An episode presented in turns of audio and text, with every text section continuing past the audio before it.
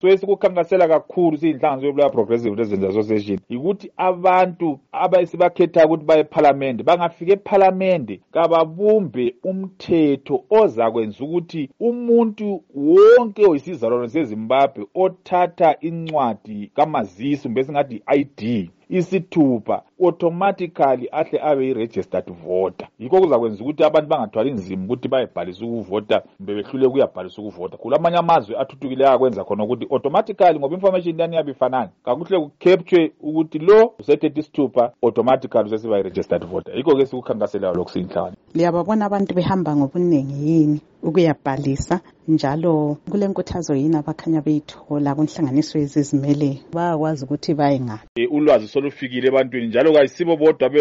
abazimeleyo mbe singathi e, e, izinhlanganiso ezizimeleyo labepolitiki uhulumende-ke uqhatshile abantu um abavela kuzingatsha ezitshiyeneyo zikahulumende ukuthi babhodabhode bagcwala iganga lonke bathe chithisaka um babhoda yonke indawo bekhuthaza ukuthi abantu bayebhalisa ngelanga elithile ikakhulu nxa kuyikuthi ilanga lakhona eliseduzane yikho bahamba baye ukuthi cwi khona bafike batshela abantu ukuthi hhayi sisukumeni ngobunengi siyebhalisa sokukibo ke abantu ukuthi balesifiso yini sokuthi bayebhalisa ngobunengi njalo-ke um siyakunanzelela ukuthi le misakazo lapho iyakukhipha lamaphephandaba ayakukhipha ukuthi kubhaliswa ngaphi njalo kubhaliswa nini so siyakhuthaza ke abantu ukuthi basukume ngobunengi bayebhalisa ukuvota kulilungelo labo nxa ungumuntu ulalele kathesi hambe ebhalisa ukuvota ukuthi uvota yaliphi ibandla asomlando kabani wena nguwe ozikhethela usuwedwa ebhokisini ukuthi uvotela bani kulohlelo njalo lokuthola incwadi zokuzalwa lezithupha abantu bazasizakala yini ngokuba khona kwalolu hlelo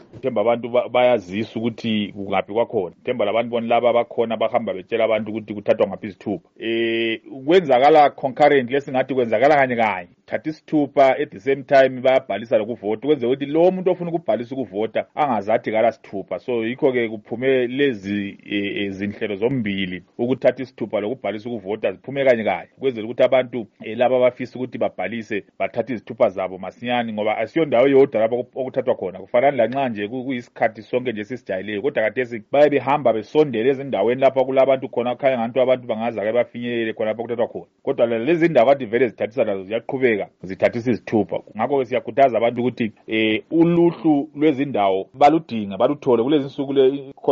kule whatsapp um abantu bayaxhumana masinyane ngewhatsapp um eh, yiye ngiyikhethileyo ngoba kulula ukuthi abantu baxhumane masinyane ngewhatsapp le misakazo yamarediyo iyakusakaza ukuthi um izithupha ziyathathwa kathesi lokubhalisa ukuvota lakho abantu bayibhalise asisukumeni siyethatha izithupha asisukumeni siyebhalisa ukuvota